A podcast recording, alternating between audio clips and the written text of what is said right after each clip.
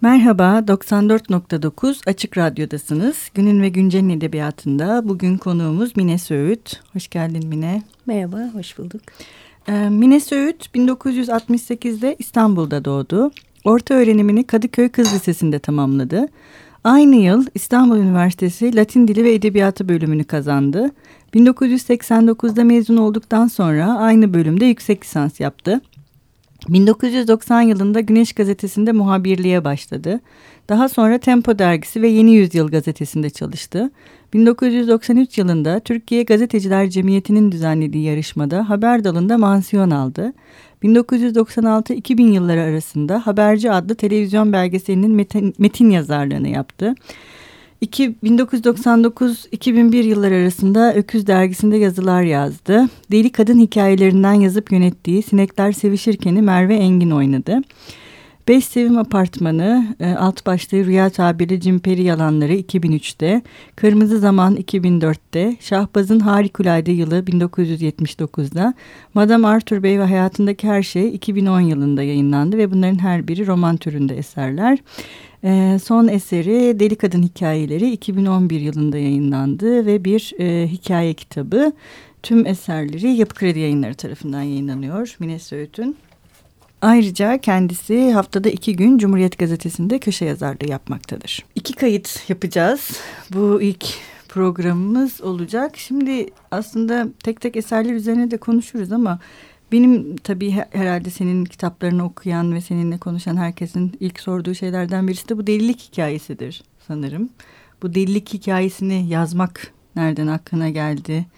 Ve bu neredeyse ilk kitaptan ben maalesef bir tanesini okuyamadım sadece. Madame Arthur Bey'in hayatı. Madame Arthur Bey ve hayatındaki evet, her şey. Onun evet. dışında ama onda da olduğunu tahmin ediyorum benzer bir e, temanın. Bu nereden e, çıktı? Yani hep bu temanın bütün kitaplarda ya da tema değil bazen metafora da dönüşüyor. Bazen bir dilin kendisine dönüşüyor. Bazen bir hayatın kendisine. Yani her kitapta farklı bir şekilde ortaya çıkıyor ama yani sonuçta bunun etrafında bir dönme durumu. Bu nereden aklına geldi ya da neden böyle bir şey kurmak? Ya da neden seni rahat bırakmayan bir şey mi bu? Sürekli böyle devam ediyor. Ya aslında tabii e, delilik sadece bir başlık. Hı hı. Ee, evet bir tema gibi görünebilir ama ben delilik üzerine yazmıyorum. Hı hı. Deliliği bir araç olarak kullanıyorum. Bazen bir sonuç oluyor. Bazen bir şeyleri işaret etmek için. Hı hı. Ee, hem albenisi yüksek hem tarif gücü yüksek bir kavram delilik. Ee, benim ilgimi de çekiyor. Okuyucunun da ilgisini çekiyor. Bizim hayatta gündelik hayatımızda da e, aklımızın sınırları, başkalarının akıllarının sınırları ilgimizi çekiyor e, bu sınırların ötesine geçmek, gerisinde kalmak e, aslında bir şekilde deliliği içselleştirebileceğimiz e, maalesef çok e, bizi sarsan, bizi zorlayan alanların içinden geçerek yaşıyoruz gündelik hayatımızı. E, buna gündelik hayatla da sınırlamıyorum. İşte toplumsal hayat birbiriyle çok bağlı zaten. Onların birbirini tetiklediği bir delilik hali var. Hmm, o yüzden bir e, ara motif olarak, bağlayıcı motif olarak, bir başlık olarak delilik evet hep var ama asıl hep olan şey, e, yani ben öyle tarif ediyorum geri dönüp baktığımda yazdıklarımı, bir e, iktidarla uğraşmak, iktidar algısıyla uğraşmak. E, işte zulmedenin karşısında zulme uğrayan, bu aradaki köprüde olan bitenler, e, zulmü kabulleniş şeklimiz, e, bütün bunlar bizi zaten ya delilikten geçiriyor ya deliliğe götürüyor. E, ya delilikle sonlanıyor hayatlar. Hı hı. E, o etrafta dönüyor ama asıl sorun aslında hı hı. E, iktidarla didişmek yazdıklarımda. E, mesela şey de düşündüm bu delilik halinin e, bütün anlattıklarından paralel olarak bir de bir kendinde olma hali. Hani kendinde olma hali nedir? Ya da insan kendisinde ya da hani sen kendinde misin? Ya da bir şey söylerken gerçeklik bu mu gibi. Biraz mesela ben onu da hissettim eserlerde. Kendinde olma halinin ya da bu kendinde olma ya da oldurma halinin tabii bu da iktidardan bağımsız bir şey değil. Önemliymiş gibi geldi bana ve bu açıdan mesela delilik tek başına nasıl bu kadar doğurgan olabilir ya da anlatılar nasıl bu kadar e, doğurgan hale gelebilir diye düşündüğümde de mesela karakterlerin kendisinin mesela bu e, yapıya da sızan bir şey var. İşte Bestevim apartmanında biz bir ilk önce karakterlerin zihnine girip onların hikayelerini onlardan dinliyoruz. Sonra bir de gerçeğini dinliyoruz. Ee, ve işte hani kendi olmak ne? Yani onun hayatı ne? Evet. Ya da onu kuran şey ne? Gibi. Aslında birazcık bu tabii kendi olmak yanlış anlamıyorsam senin de demek istediğin Hı -hı. buysa eğer e, gerçekle kurduğumuz. Evet evet hani kendinde ilişki. Olmak. Evet. İlik, gerçeklik. Ee, şey. Yani bizim gerçeği aslında gerçek çok tehlikeli bir kavram. Öyle. Ee, zaten insanlık gerçekle baş edemediği için Tanrı fikrini yaratıp hmm. e, başka bir gerçeklik daha baş edebileceği bir gerçeklik e, oluşturup onun e, etrafına dünyasını kuracak kadar e, kurnaz aslında. Hı hı. Çünkü e, gerçekle baş etmek, gerçeği aramak, gerçekle yüzleşmek kolay bir şey değil.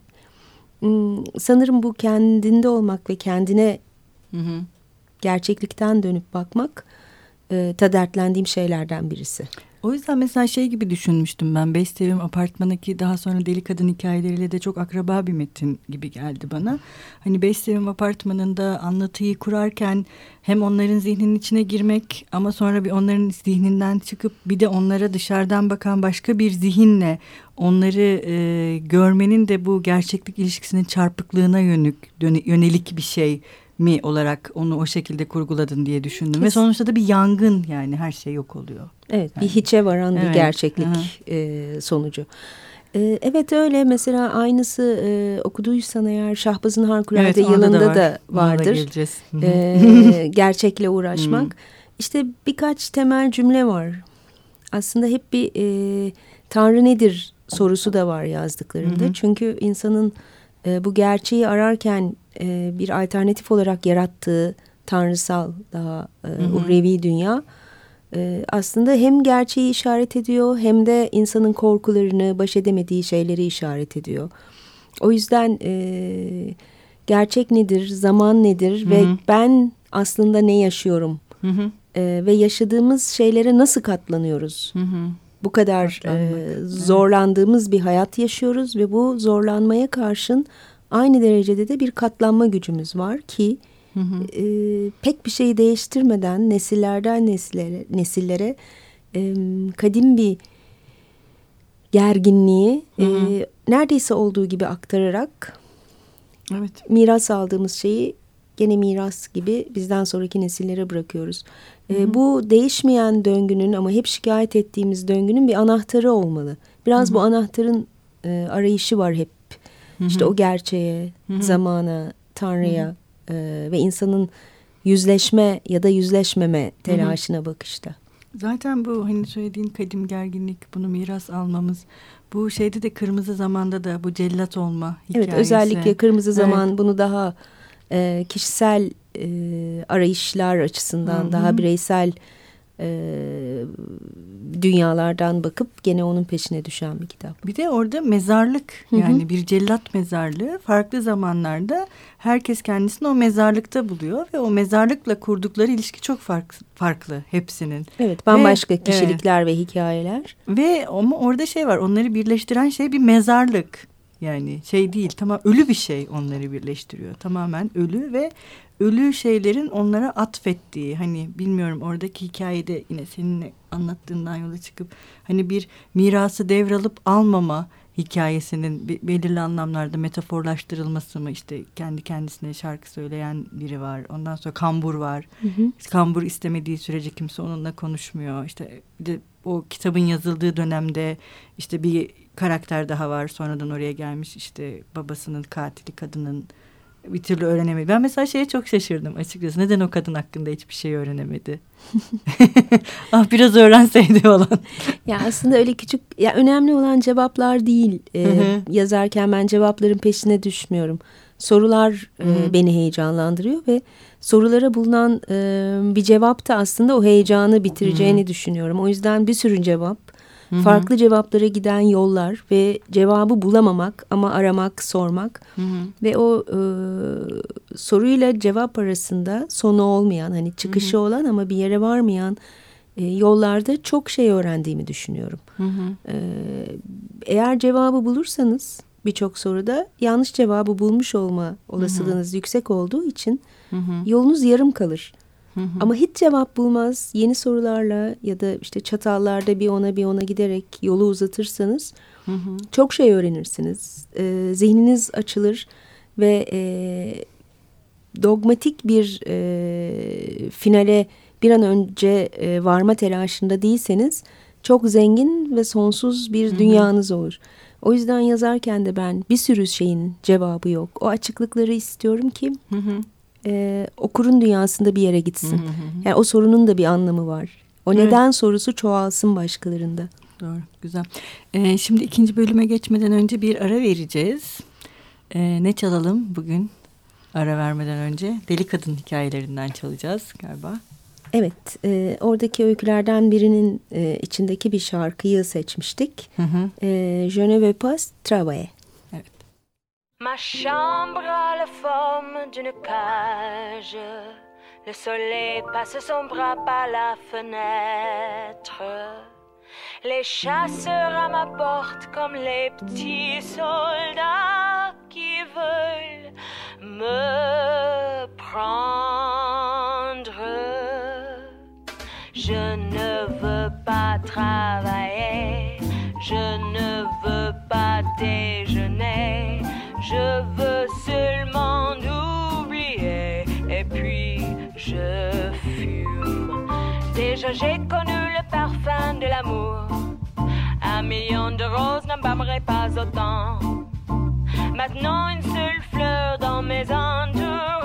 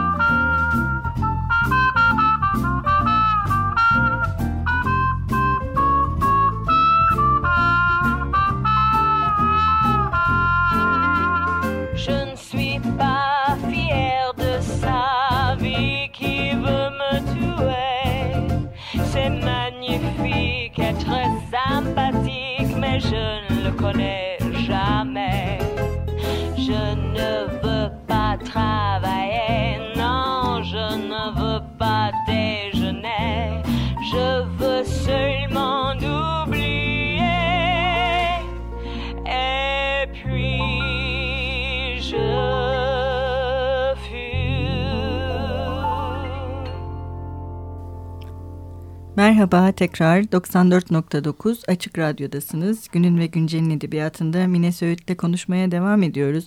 En son şeyden bahsetmiştik. E, boşluklar bırakmayı, sevmenden, nedenler yani sorular sormaktan ve nedenlerin kendisinin önemli olmasından.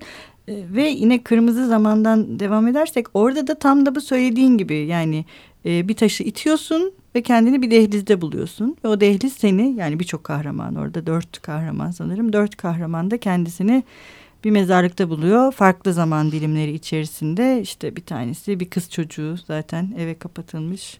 Ötekisi sonradan cellat olacak. Diğeri işte babasının şeyini arıyor. Öteki de annesini e, arıyor. Annesini arıyor pardon. Bir de e, zamandayı. Zamandayı. Zaten. Evet zamandayı.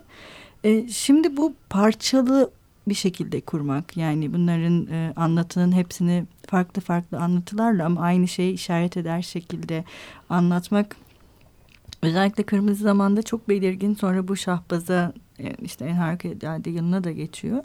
Bunu niye böyle düşündün? Yani kurguyu farklı farklı anlatılarla oluşturmak. Bilmiyorum ben e, labirentlerde dolaşmayı seviyorum. Hı hı. Aslında çok e, böyle yazayım diye önceden planladığım hı hı. bir tarz değil bu. E, yazmaya başladığım zaman işte bazen sarmallara dönüşüyor hmm, yazdıklarım. Evet. Ben öyle görüyorum. Hmm, evet. Hani hem dönüyor, hareket ediyor hmm. ama hiçbir yere gitmiyor ama devamlı dönüyor.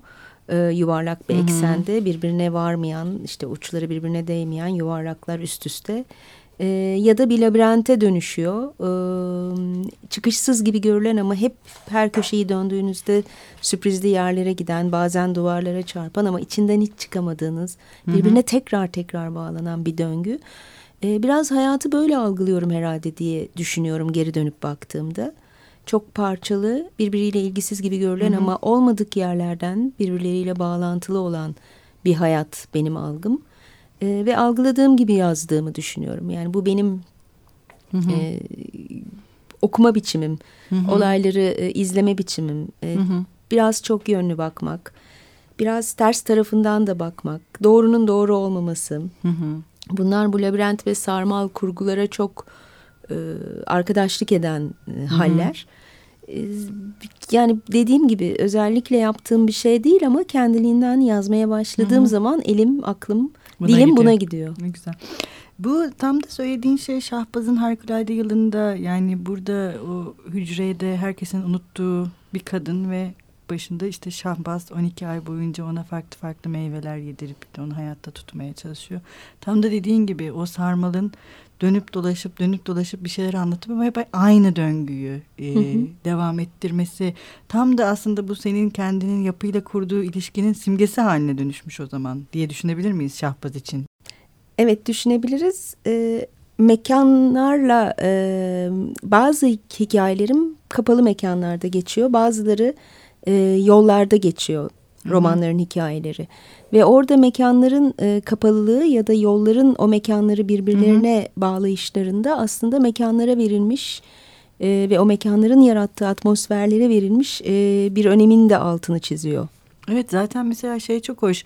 Ee, Şahbaz'ın e, harikulade yılında işkence yapılan bir yer. Herkesin bildiği bir yer. Hatta bir anne yani o ölmekte olan kızı dışarıda bekliyor çok uzun bir süre. Ve unutuyorlar yani o kadını. Unutuluyor. Herkesin öldüğünü zannettiği evet. bir kadın. Ve e, o herkesin sesini duyuyor. Yani insanlara zaten bizim karakterlerimizin e, bir kısmı orada işkenceye uğramak için zaten başkaları tarafından alınıyorlar. Fakat şey çok e, şey geldi bana. Mesela bu işkence sahneleri falan anlatıldı daha önce Türkçe edebiyatta ama bunun bu kadar hani görünmez bir şekilde bir kadının zihninin içine girip ve bu kadın şey yani ölmek üzere olan bir kadın ve hani senin de dediğin gibi gerçeklikle şeyini çoktan yitirmiş bir kadın ve onun tam da oradan hani küçücük bir aralıktan onu anlatıyor olması beni çok etkiledi açıkçası kitabı ya, okurken. Çünkü sanırım bu etkilenmenin ve beni de böyle bir şeyin dertlendirmesinin sebebi e, biz de dışarıda, içeride değiliz. Başımıza e, diyelim ki bunlar gelmiyor. Ama olduğunu biliyoruz kapalı bir yerde ve çok yakınımızda. Yanından ya. her gün geçtiğimiz bir yerlerde çok kötü. E, duyduğumuz zaman tüylerimizi ürpertecek şeyler oluyor. Ve biz o küçücük aralıklardan onları seziyoruz, duyuyoruz, görüyoruz. Yine de kanıksıyoruz ve bu durumla birlikte yaşayabiliyoruz. Sanırım işin etkileyiciliği biraz hem kadının hikayesini dinlememiz hem de kendimizi o hikayede hemen duvarın dışında hala hissetmemiz. Bir 80 hikayesi ya. bu. 79 yılına ait bir hikaye. Ee, 2013 yılındayız. Aynı şey. Aynı duyguyla e, Aynı. baş etmek zorundayız. Evet hiçbir şey değişmiyor çünkü. Bize öyle bir şey var. e çünkü aynı şeyleri yapmaya devam ediyoruz. Nasıl değişsin? Evet mesela şey de var hani o anlamda e, Şahbaz'da e, mekanın dışında bence şey de diye düşünmüştüm yani Şahbaz'ın kendi varlığının ortaya çıkarılmasının e, mesela şey gibi düşündüm hani Haneke'nin filmlerinde şeydir ya böyle kafanıza bir balta yemiş gibi hissedersiniz hı hı. film bittikten sonra. Hani Şahbaz böyle bize e, hani biraz önce senin söylediğin biz onları biliyoruz, duyuyoruz ya da ama nerede olduğunu göremiyoruz. Ama bunlar var. Hani hı hı. bilerek bunu yaşamak, bunu kanıksamak. Ama Şahbaz bir taraftan da bizim kafamızdaki hayır böyle değil. Yani biz bunu biliyoruz ve böyle yaşanmayacağını da biliyoruz. Böyle olmaması gerektiğini de biliyoruz. Ee, anlatan birisi olarak da ortaya çıkmış gibi düşündüm ben okurken. Çünkü zaten çok yönlü bir metin. Hani metin zaten şey. Şahbaz şey. çok dönüşüyor. Evet. Ee, her şey olabiliyor. Yani Şahbaz bir yandan kötülüğün simgesi, bir yandan bizim içimizdeki, bir yandan da bizim dışımızdaki e, faşizmin, vahşetin simgesi. O yüzden onu hem düşman olarak görüyoruz hem kendimize yakın görüyoruz ve e, tuhaf bir günahımız gibi aslında hem korkumuz gibi hem günahımız gibi e, o yüzden de o şahbaz karakterine kızarken kendimizde nelere kızacağımızı da bulabiliyoruz. Yani böyle bir karakter yaratmaya çalıştım. Bendeki karşılığı buydu onun. Kitapta da var mıydı tam hatırlamıyorum ama şimdi senin söylediklerini de e, e o bana çağrıştırdı. Vicdan yani Şahbaz bir taraftan bizim vicdanımız. Bir taraftan da vicdansızlığımız. Ya maalesef hem vicdanımız hem vicdansızlığımız. Ee, yine bu birlikteliği kurarken mesela Şahbaz'ın kadını her ay farklı farklı meyvelerle ve meyve kokularıyla e, besleme çalışması. Mesela onu da ben çok şey buldum. Hem şiirsel buldum hı hı. açıkçası. Sadece hani e, metnin kendisi içinde bir unsur değil. Hatta bilerek olmasın. Orada ayrıksı dursun. Hı hı. Hani bu orada gitsin. O güzel meyvelerin kokularıyla. Sanki özellikle öyle yapılmış Tabii. ve gibi düşündüm. E çünkü şimdi Şahbaz e, kadına inandığı her şeyin aslında yanlış olduğunu anlatıyor. İstediği her şeyin yanlış olduğunu anlatıyor. Bu bir e, çok kabaca bir e, sağ sol ideolojilerin karşılaştırılması hı hı. ve biz 80'de e, yaşanan o kırılmada bir sürü sol ideolojinin e, ciddi önemli savunucusunun kendi ideolojilerini nasıl karalayıp nasıl vazgeçtiklerini bir film izler gibi bugüne kadar izledik. Biraz bunun sorgulaması. E, o yüzden Şahbaz kadına iyilik yapar gibi kötülük mü yapıyor, kötülük yapar gibi iyilik mi yapıyor?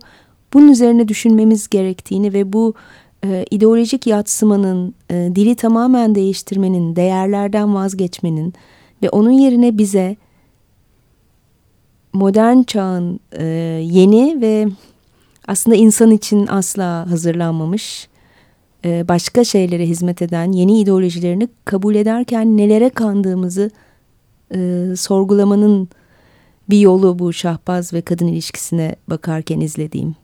Doğru.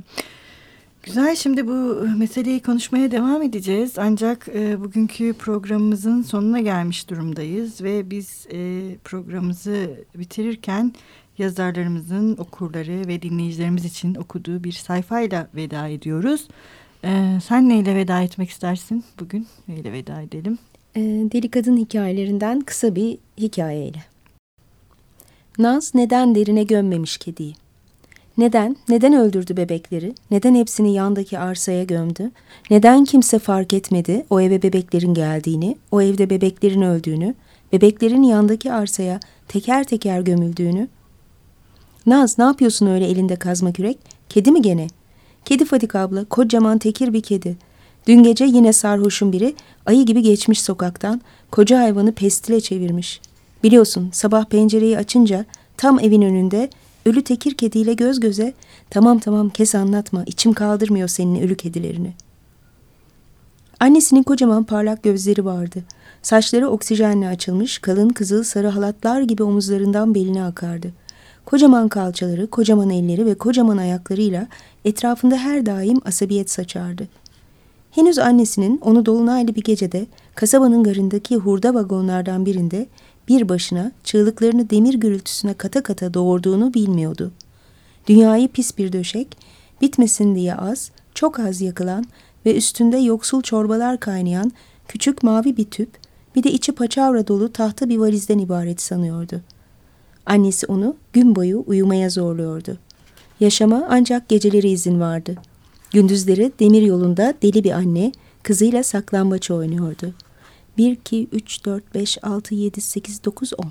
Önüm arkam sağım solum sobe. Saklanmayan ebe.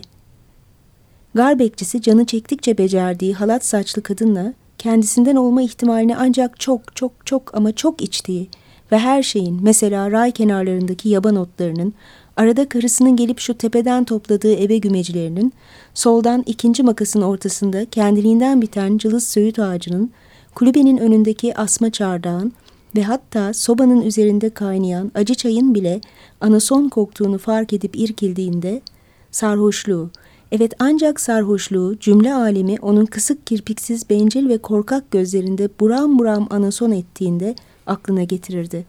Getirirdi ve hemen akabinde de aklından çıkarırdı.''